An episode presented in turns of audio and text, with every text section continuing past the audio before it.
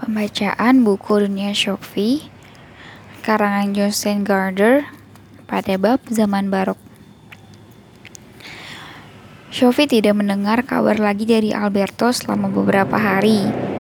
Tapi dia sering menatap ke arah taman sambil berharap ada akan melihat Hermes. Dia mengatakan pada ibunya bahwa anjing itu telah bisa pulang sendiri dan bahwa dia diundang oleh pemiliknya, seorang mantan guru fisika. Pria itu mengajarkan pada Shofi tentang tata surya dan ilmu pengetahuan baru yang berkembang pada abad ke-16. Dia bercerita lebih banyak pada Joanna. Dia menceritakan kunjungannya ke rumah Alberto, kartu pos di kotak surat, dan uang 10 crown yang ditemukan di jalan pulang. Tapi ia menyimpan sendiri tentang mimpi Hilde dan kalung salib itu. Pada Selasa 29 Mei, Sophie pergi berdiri di dapur mencuci piring. Ibunya telah pergi ke ruang duduk untuk melihat berita televisi. Ketika lagu pembuka sudah selesai, dia mendengar dari dapur bahwa seorang mayor di batalion PBB Norwegia telah terbunuh akibat sebuah granat. Sophie melemparkan serbet piring ke atas meja dan bergegas menuju ruang duduk. Dia tiba tepat pada waktunya untuk melihat sekilas wajah perwira PBB itu selama beberapa detik sebelum mereka berpindah ke soal lain. Oh tidak, dia berseru. Ibunya berpaling kepadanya. Ya, perang memang mengerikan. Tangis Shofi meledak. Mengapa Shofi? Apakah mereka sebutkan namanya? Ya, tapi aku tidak ingat. Dia berasal dari Grimstad. Kukira. Bukankah itu sama dengan Lilesan? Tidak. Kamu kok tolol sih? Tapi jika tidak berasal dari Grimstad, kita mu mungkin akan bersekolah di Lelesan. Dia berhenti menangis, tapi kini giliran ibunya yang bereaksi. Dia bangkit dari kursi dan mematikan televisi. Ada apa, Shofi? Tidak apa-apa. Ya, ada apa-apa. Kamu mempunyai pacar, dan aku mulai berpikir bahwa dia jauh lebih tua daripada kamu. Jawab aku sekarang. Apakah kamu kenal seorang pria di Lebanon? Tidak, tidak persis begitu. Pernahkah kamu bertemu dengan seorang putra di Lebanon? Putra seseorang di Lebanon. Tidak, tidak pernah. Aku bahkan belum pernah bertemu dengan putrinya. Putri siapa? Bukan urusan ibu. Kukira itu urusanku. Mungkin aku malah harus mulai bertanya, mengapa ayah tidak pernah pulang? Apakah itu karena ibu tidak punya nyali untuk bercerai? Mungkin ibu punya pacar dan ibu tidak ingin ayah dan aku mengetahui tentang itu. Dan seterusnya dan seterusnya. Aku sendiri punya banyak pertanyaan. Kukira kita perlu bicara. Itu mungkin, tapi saat ini aku sudah lelah dan mau tidur, dan aku sedang haid. Shofi berlari ke kamarnya. Rasanya ia ingin menangis. Begitu dia selesai membersihkan diri di kamar mandi dan telah bergelung di bawah selimut, ibunya masuk ke kamar tidur. Shofi pura-pura tidur meskipun tahu ibunya tidak akan mempercayainya. Dia tahu bahwa ibunya Maaf, dia tahu ibunya, tahu bahwa Shofi tahu ibunya juga tidak percaya kalau dia sudah tidur. Meskipun demikian, ibunya pura-pura percaya bahwa Shofi tidur. Dia duduk di tepi tempat tidur Shofi dan mulai membelai rambutnya. Shofi sedang berpikir betapa rumitnya menjalani dua kehidupan pada saat yang sama. Dia berharap dapat segera mengakhiri perjalanan filsafatnya. Mungkin itu akan berakhir pada hari ulang tahunnya, atau setidak-tidaknya pada pertengahan musim panas ketika Yahilda sudah pulang dari Lebanon. Aku ingin menyelenggarakan pesta ulang pesta ulang tahun, katanya tiba-tiba. Kedengarannya hebat. Siapa yang akan ibu undang? Banyak orang, bolehkah? Tentu saja, kita punya teman yang luas. Mudah-mudahan saja cuacanya bagus terus. Aku ingin mengadakannya pada pertengahan musim panas. Baiklah nanti kita adakan. Itu adalah hari yang sangat penting, kata Shofi sambil memikirkan bukan hanya pada hari ulang tahunnya. Memang, kurasa aku telah semakin bertambah dewasa belakangan ini. Itu bagus bukan? Aku tidak tahu. Shofi berbicara kepada ibunya dan kepala terkubur di dalam bantal. Kini ibunya berkata, Shofi, kamu harus mengatakan padaku mengapa kamu tampak kehilangan keseimbangan saat itu. Bukankah ibu juga seperti itu ketika berumur 15? Barangkali, tapi kamu tahu apa yang sedang kubicarakan. Shofi tiba-tiba memutar wajahnya menghadap ibunya. Nama anjing itu Herme. Oh iya, ia milik seorang pria bernama Alberto. Begitu. Dia tinggal di kota lama. Kamu berjalan sejauh itu bersama anjingnya. Tidak ada yang membayangkan dalam dunia dalam hal itu. Kamu bilang anjing itu telah sering ke sini. Apakah aku berkata begini, dan dia berpikir dan dia harus berpikir sekarang. Dia ingin menceritakan sebanyak mungkin, tapi dia tidak dapat menceritakan segalanya. Ibu hampir tidak pernah berada di rumah, dia berkata. Ya, aku terlalu sibuk. Alberto dan Herme telah ke sini berkali-kali. Untuk apa? Apakah mereka masuk rumah juga? Tidak dapatkah ibu setidaknya mengajukan pertanyaan satu demi satu? Mereka belum pernah masuk ke rumah, tapi mereka sering berjalan-jalan di hutan. Apakah itu terlalu misterius? Tidak, sama sekali tidak. Mereka lewat di depan pintu gerbang kita seperti semua orang lain. Suatu hari ketika aku pulang dari sekolah, aku berbicara dengan anjing itu. Begitulah aku mengenal Alberto. Bagaimana dengan kelinci putih dan semua hal tentang itu? Itu yang dikatakan Alberto. Dia seorang filosof sejati, ibu tahu. Dia telah mengajariku tentang segala sesuatu, segala sesuatu tentang para filosof. Begitu saja dari balik pagar tanaman, dia juga telah menulis surat padaku berkali-kali sebenarnya. Kadang-kadang dia mengirimkan lewat pos dan kali lain ia memasukkannya ke dalam kotak surat ketika dia sedang jalan-jalan. Jadi itulah surat cinta yang kita bicarakan. Itu bukan surat cinta. Dia hanya menulis tentang filsafat. Ya, dapatkah ibu bayangkan? Dan aku telah belajar lebih banyak darinya daripada yang telah kupelajari di selama 8 tahun di sekolah. Misalnya, pernahkah ibu mendengar tentang Giordano Bruno yang dibakar di tiang panjang pada tahun 1600 atau tentang hukum gravitasi universal dari Newton? Tidak, banyak sekali yang aku tidak tahu. Aku yakin ibu bahkan tidak tahu mengapa bumi mengelilingi matahari, padahal itu adalah planet kita sendiri. Kira-kira berapa umur pria itu? Aku tidak tahu, sekitar 50 barangkali. Tapi apa hubungan dia dengan Lebanon? Ini pertanyaan sulit. Shofi berpikir kelas. Dia memilih cerita yang paling masuk akal. Alberto mempunyai saudara yang menjadi mayor di batalion PPB dan dia berasal dari Lilesan. Mungkin dia adalah mayor yang pernah tinggal di gobok sang mayor. Alberto itu namanya lucu ya? Mungkin. Kedengarannya seperti nama Italia. Ya, segala sesuatu yang penting berasal dari Yunani dan Italia. Tapi dia bisa berbahasa Norwegia? Oh iya, lancar sekali. Kamu tahu Shofi, kira-kira kita harus mengundang Alberto satu hari nanti. Aku belum pernah bertemu dengan filosof sejati. Kita lihat saja. Mungkin kita, da kita dapat mengundangnya ke pesta ulang tahunmu. Mungkin akan menyenangkan menggabungkan beberapa generasi. Aku mungkin dapat bergabung juga. Setidaknya aku dapat membantu melayani sebagainya rumah. Bukan kayak itu gagasan yang bagus? Jika dia mau, bagaimanapun dia lebih suka berbicara dibandingkan anak-anak lelaki di kelasku. Cuma, apa? Mungkin mereka salah sangka dan menganggap Alberto pacarku. Kalau begitu kamu katakan saja pada mereka bahwa dia bukan pacarmu. Ya, kita harus mencobanya. Ya, kita harus kita harus coba. Dan Shopee memang benar bahwa hubungan aku dengan ayahmu agak sulit. Tapi kita tidak pernah ada tapi tidak pernah ada orang lain. Aku harus tidur sekarang. Aku merasakan kram yang menyakitkan sekali. Kamu mau aspirin? Ya, tolong. Ketika ibu kembali dengan membawa pil dan segelas air, Shopee telah jatuh tertidur.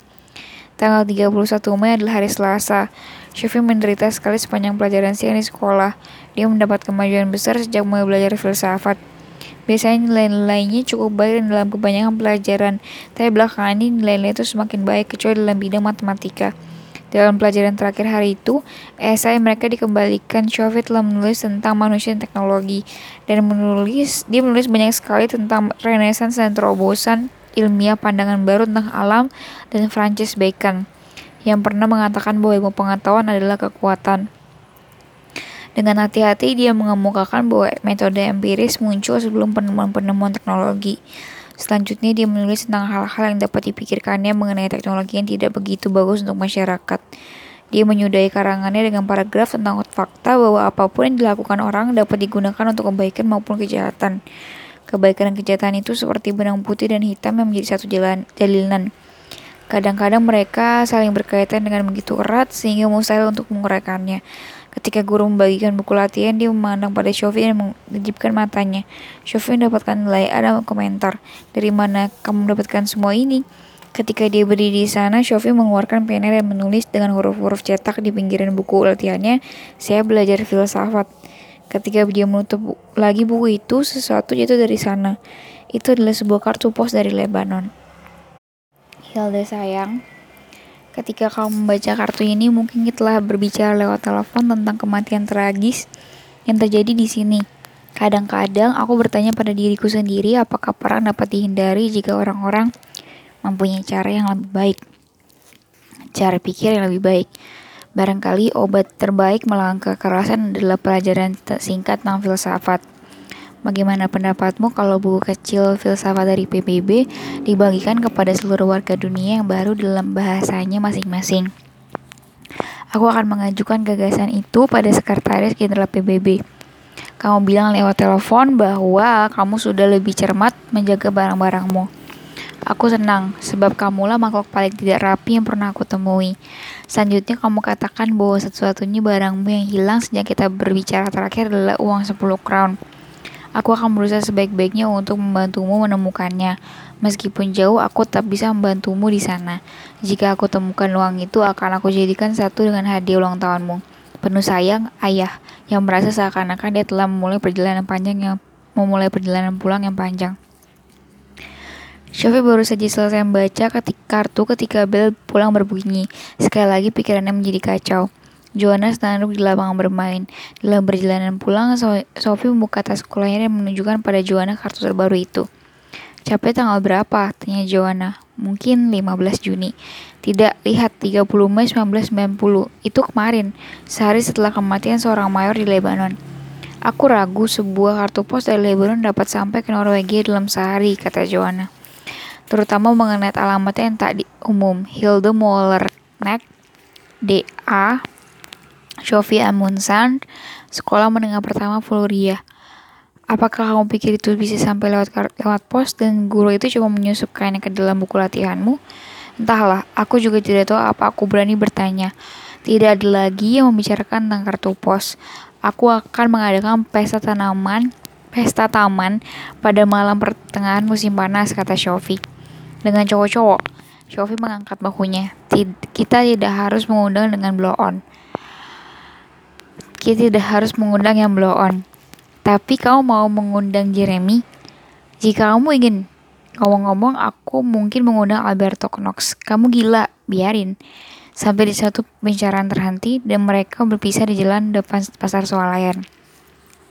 Yang pertama-tama dilakukan Sophie ketika sampai di rumah adalah melihat apakah Herme berada di taman. Memang benar dia ada di sana, mengendus-endus seputar pohon apel. Anjing itu berdiri tak bergerak sesaat. Sophie tahu benar apa yang sedang terjadi saat itu. Anjing itu mendengar seruan, mengenali suaranya, dan memutuskan untuk melihat apakah Sophie ada di sana. Lalu setelah menemukan Sophie, ia mulai berlari menghampirinya. Akhirnya keempat kakinya bergerak cepat bagaikan tongkat drum. Sungguh banyak sekali kejadian yang berlangsung dalam sesaat. Anjing itu berlari ke arahnya, menggoyang-goyangkan ekornya dengan liar, dan melompat untuk menjelati wajahnya. Herme pintar sekali. Turun-turun. Jangan basahi tubuhku dengan liurmu. Duduk. Nah, begitu. Sophie berlari masuk ke dalam rumah. Serikan melompat keluar dari semak-semak. Dia was selalu waspada dengan sesuatu yang asing. Sophie mengeluarkan makanan kucing, mengucurkan makanan burung ke cangkir parkit, menyiapkan daun selada untuk si kura-kura dan menulis sebuah catatan untuk ibunya. Dia menulis bahwa ia akan memulangkan Herme dan akan kembali pada jam 7. Mereka mulai berjalan menuju kota. Sophie ingat untuk membawa uang kali ini. Dia bertanya-tanya apakah dia harus naik bus bersama Herme, tapi dia tidak memutuskan lebih baik menunggu dan bertanya pada Alberto tentang hal itu. Ketika berjalan di belakang Herme, dia memikirkan tentang suatu binatang itu. Dia memikirkan sesungguhnya binatang itu. Apa beda seekor anjing dengan seekor dan seorang manusia? Ia ingat kata-kata Aristoteles. Dia berkata bahwa manusia dan binatang sama-sama makhluk hidup, Aku akan hidup di alam dengan banyak ciri yang sama. Tapi ada satu perbedaan antara manusia dan binatang, yaitu akal manusia. Bagaimana dia bisa begitu yakin? Demok Demokritus sebaliknya menganggap manusia dan binatang benar-benar mirip. Sebab keduanya terdiri dari atom, dan dia beranggapan bahwa manusia maupun binatang tidak mempunyai jiwa kekal. Menurutnya jiwa itu tersusun atas atom-atom tersebar di tiup angin ketika manusia mati. Dialah orang yang menganggap bahwa bahwa jiwa manusia itu tak terpisahkan dari otaknya. Tapi bagaimana mungkin jiwa itu terdiri dari atom? Jiwa bukanlah sesungguhnya yang dapat kita sentuh bagi seperti bagian tubuh yang lain, melainkan sesuatu yang bersifat rohaniah. Mereka telah meninggalkan Main Square dan sedang menuju kota lama. Ketika sampai di kaki lima tempat Sophie menemukan uang 10 crown, Otomatis dia memandang ke aspal di bawah. Dan di sana tepat di tempat ketika dia dulu memungut uang itu terletak sebuah kartu pos dengan gambar menghadap ke atas. Itu adalah gambar sebuah taman dengan pohon-pohon palm dan jeruk. Shofi membungkuk dan memungut kartu itu. Herme mulai menggeram seakan-akan ia tidak suka Shofi menyentuhnya. Kartu itu berbunyi, Hilda sayang, hidup itu terdiri dari rangkaian panjang kejadian kebetulan. Bukan tidak mungkin uang 10 kron kamu yang hilang itu akan muncul di sini. Mungkin uang itu dapat ditemukan di alam lesan oleh seorang wanita tua yang sedang menunggu bus ke Kristiansan. Dan dari Kristiansan dia naik kereta api untuk mengunjungi cucu-cucunya dan berjam-jam kemudian dia kehilangan koin itu di sini di New Square. Maka sangat mungkin kalau koin yang sama kemudian dipungut oleh seorang gadis yang benar-benar membutuhkannya untuk pulang naik bus.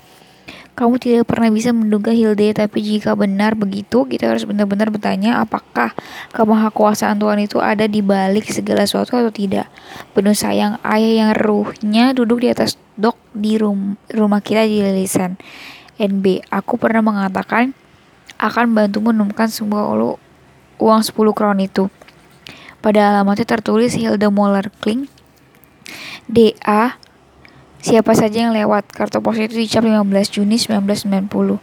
Shofi berdiri menaiki anak tangga, mengikuti Herme. Begitu Alberto membuka pintu, Shofi berkata, minggir, tukar, tukang pos datang. Dia merasa punya alasan untuk marah.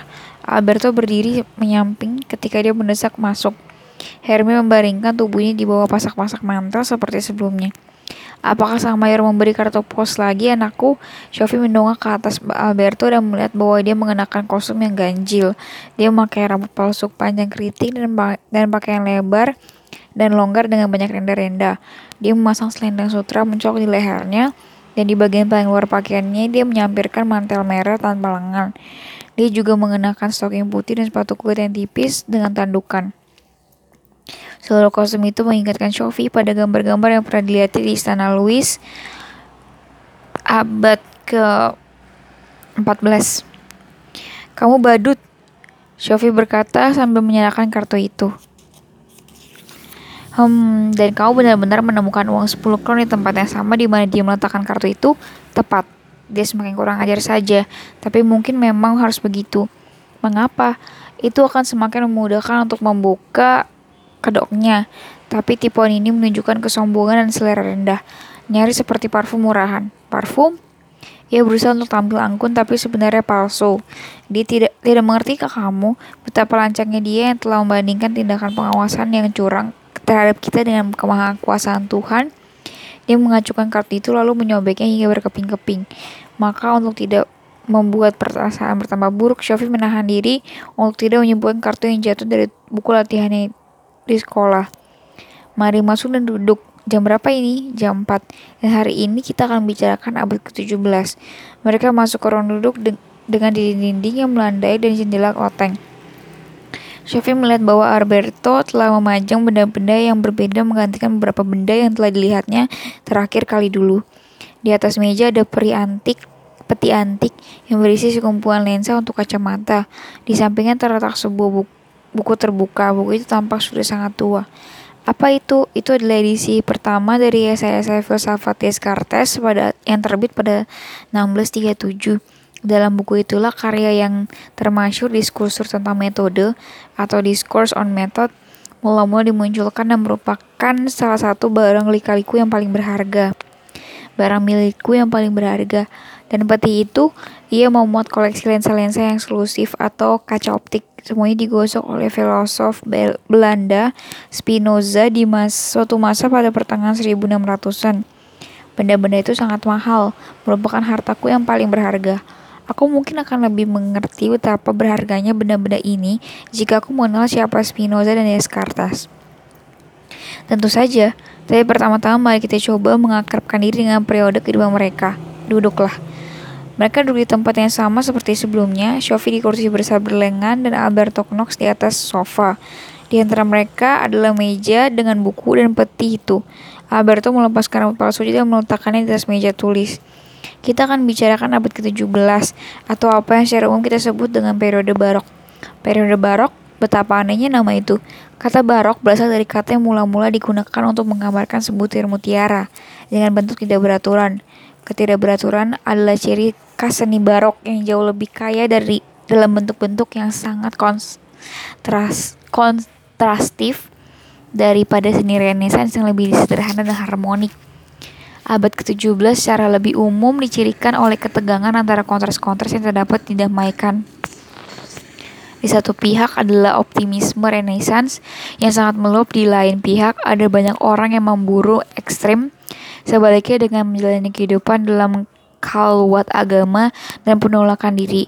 Baik dalam bidang seni maupun kehidupan nyata, kita menemui bentuk-bentuk pengungkapan diri yang muluk dan flamboyan.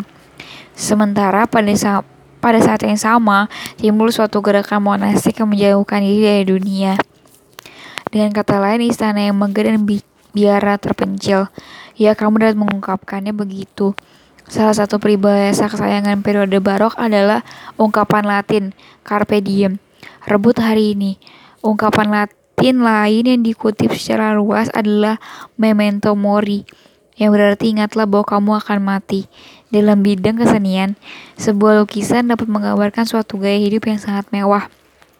Dengan sebuah tengkorak kecil dilukiskan di suatu sudut. Dalam beberapa pengertian, periode baru ditandai oleh kepalsuan atau sikap yang dibuat-buat. Pada tapi pada saat yang sama, banyak orang yang sangat gandrung dengan sisi lain dari mata uang itu. Mereka saat memperhatikan hakikat kesementaraan dari segala sesuatu, yaitu kenyataan bahwa seluruh keindahan yang mengelilingi kita suatu hari akan musnah. Memang benar, sungguh sedih dari bahwa tidak ada yang abadi. Kau berpikir persis seperti orang-orang pada zaman ketua 17. Periode barok juga merupakan masa konflik dalam pengertian politik. Eropa tercabik-cabik oleh perang. Yang paling buruk adalah perang 30 tahun yang berkobar di hampir seluruh benua itu dari 1618 hingga 1648. Sesungguhnya itu merupakan serangkaian perang yang terutama sangat merugikan Jerman. Dan akibat perang 30 tahun itu, Eropa Prancis lambat laun menjadi kekuatan yang dominan di Eropa. Apa yang menyebabkan perang itu? Perang itu terutama adalah perang antara penganut Protestan dan penganut Katolik, tapi juga melibatkan perebutan kekuatan politik kurang lebih seperti di Lebanon. Lepas dari peperangan abad ke-17 merupakan zaman perbedaan kelas yang sangat mencolok.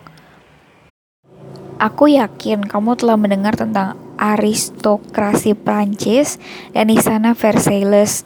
Aku tidak tahu apakah kamu sudah banyak mendengar tentang rakyat Prancis, tapi setiap pemeran kegemilangan, setiap pameran kegemilangan mensyaratkan pameran kekuatan.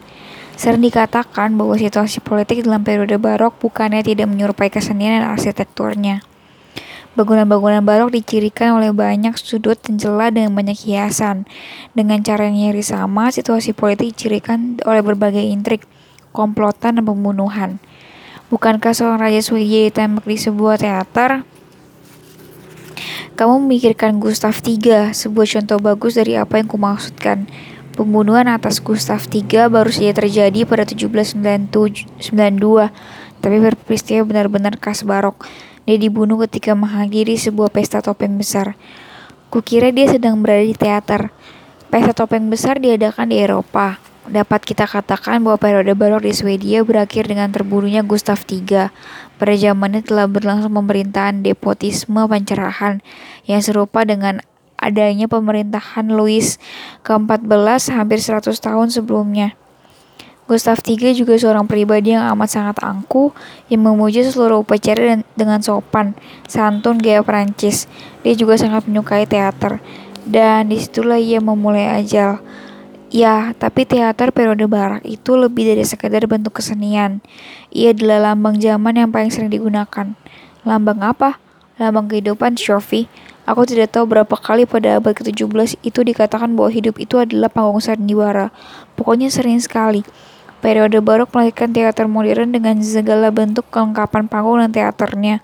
Dalam teater, orang membangun suatu ilusi di atas panggung untuk menonjolkan bahwa sandiwara panggung itu hanyalah sebuah ilusi. Oleh karena itu, teater merupakan cerminan kehidupan manusia pada umumnya. Teater dapat menunjukkan bahwa kesombongan muncul sebelum kejatuhan dan menampilkan potret keji kelemahan manusia.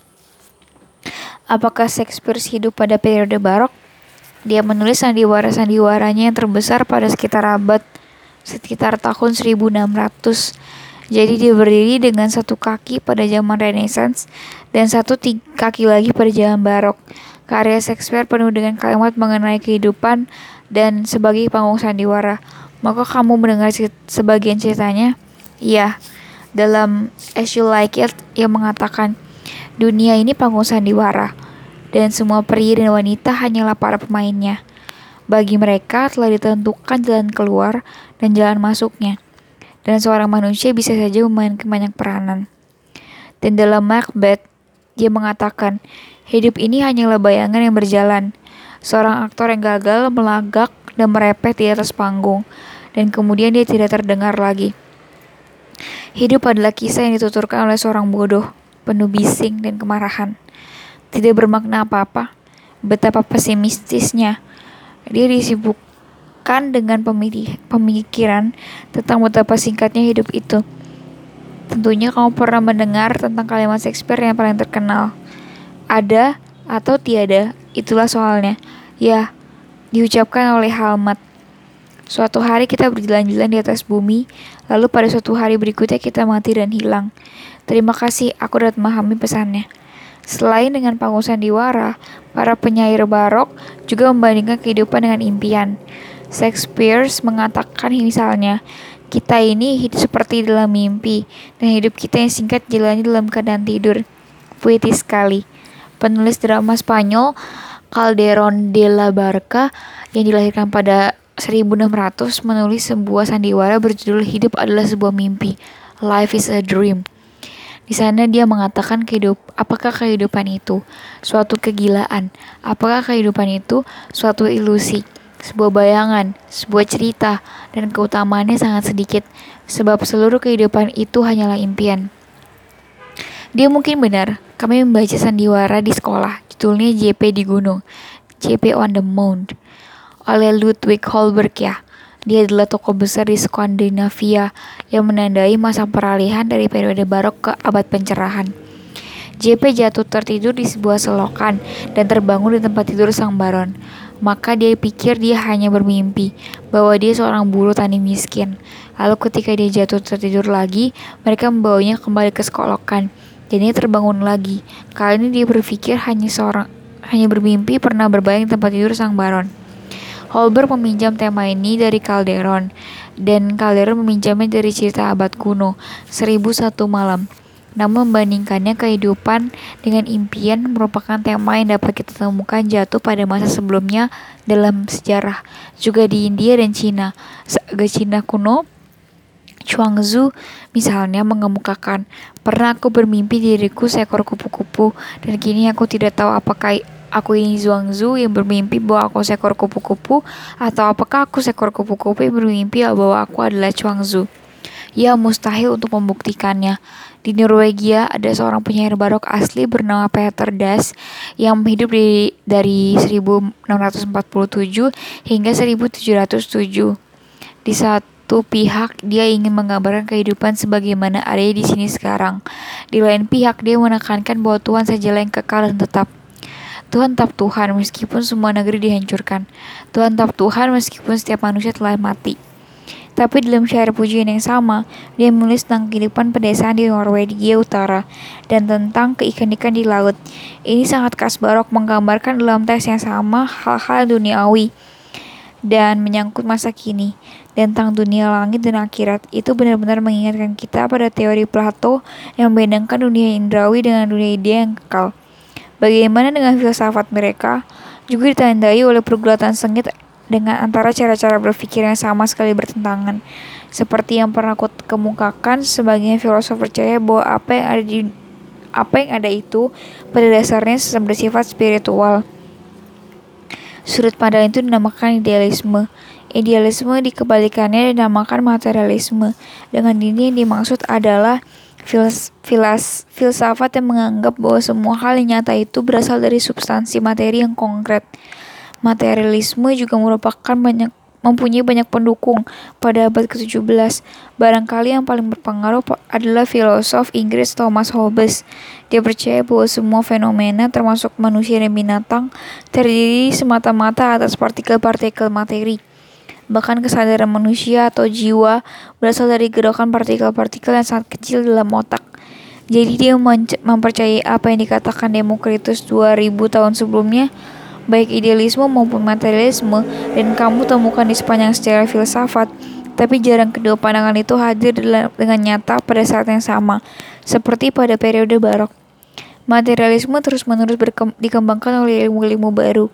Newton membuktikan bahwa hukum gerak yang sama berlaku untuk seluruh alam raya, dan bahwa seluruh perubahan di alam ini, baik di atas bumi maupun di luar angkasa, dapat dijelaskan dengan prinsip-prinsip gravitasi universal dan gerak benda-benda. Jadi segala sesuatu diatur oleh hukum yang sama, yang tak akan lekang atau oleh mekanisme yang sama. Oleh karena itu, pada prinsipnya, adalah mungkin untuk memperhitungkan setiap perubahan alam dengan ketepatan matematis. Dan dengan demikian Newton melengkapi apa yang kita namakan pandangan dunia mekanistik. Apakah dia membandingkan dunia? Apakah dia membayangkan dunia sebagai sebuah mesin besar? Memang benar, kata mekanik berasal dari kata Yunani mekan, yang berarti mesin. Memang luar biasa bahwa Hobbes maupun Newton tidak melihat adanya pertentangan antara gambaran dunia mekanistik dan kepercayaan Tuhan. Tapi tidak semua pamanganut materialis abad ke-18 dan ke-19 sepakat dengan ini.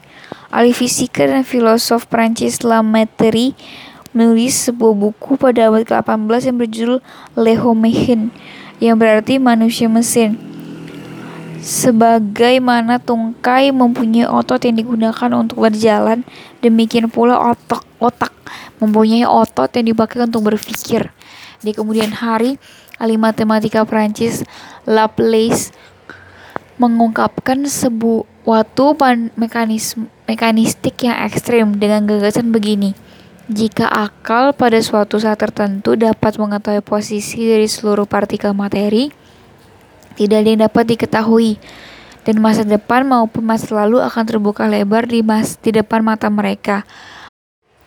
Gagasannya di sini adalah bahwa segala sesuatu yang terjadi telah ditetapkan sebelumnya.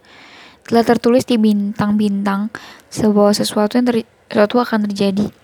Pandangan ini dinamakan determinisme. Jadi, jika tidak ada yang dinamakan kehendak bebas, tidak, segala sesuatu adalah hasil proses mekanis. Juga semua pikiran dan impian kita. Tokoh-tokoh materialisme Jerman pada abad ke-19 menyatakan bahwa hubungan antara pikiran dan otak itu seperti hubungan antara air kencing dan ginjal dan empedu dengan hati. Tapi air kencing dan empedu itu tidak materi, pikiran bukan. Tapi air kencing dan empedu itu materi, pikiran bukan. Kau berpegang pada sesuatu yang penting di sini. Aku dapat menceritakan padamu suatu kisah mengenai hal yang sama seorang astronot Rusia dan seorang ahli otak bedah otak Rusia pernah menceritakan membicarakan agama. Ahli bedah otak itu seorang Kristen, sedangkan astronot bukan. Sang astronot berkata, Aku telah pergi ke luar angkasa berkali-kali, tapi aku tidak pernah melihat Tuhan atau malaikat. Dan ahli bedah otak itu berkata, dan aku telah mengoperasi banyak kotak cemerlang, namun tidak pernah menemukan satu pikiran pun. Tapi itu tidak membuktikan bahwa pikiran itu tidak ada. Tidak, tapi itu menekankan kenyataan bahwa pikiran bukanlah benda-benda yang dapat dioperasi atau dipecah-pecah menjadi bagian-bagian yang lebih kecil. Tidak mudah misalnya untuk menghilangkan angan-angan melalui operasi. Itu terlalu jauh untuk bidang operasi. Seorang filosof penting dari abad ke-17 bernama Leibniz mengemukakan bahwa perbedaan antara yang material dan yang spiritual sungguhnya adalah bahwa yang material dapat dipecah-pecah menjadi bagian-bagian yang lebih kecil, sedangkan jiwa bahkan tidak dapat dibagi dua. Tidak, jenis pisau bedah manakah yang dapat kita gunakan untuk itu? Alberto hanya menggelengkan kepalanya. Setelah sesaat, ia menuju ke arah meja di antara mereka dan berkata, Dua filosof terbesar dari abad ke-17 adalah Descartes dan Spinoza. Mereka pun bergulat dengan pertanyaan-pertanyaan seperti hubungan antara jiwa dan badan, dan kita tidak akan menelaah mereka secara lebih cermat. Teruskanlah, tapi aku harus sudah harus tiba di rumah pada jam 7.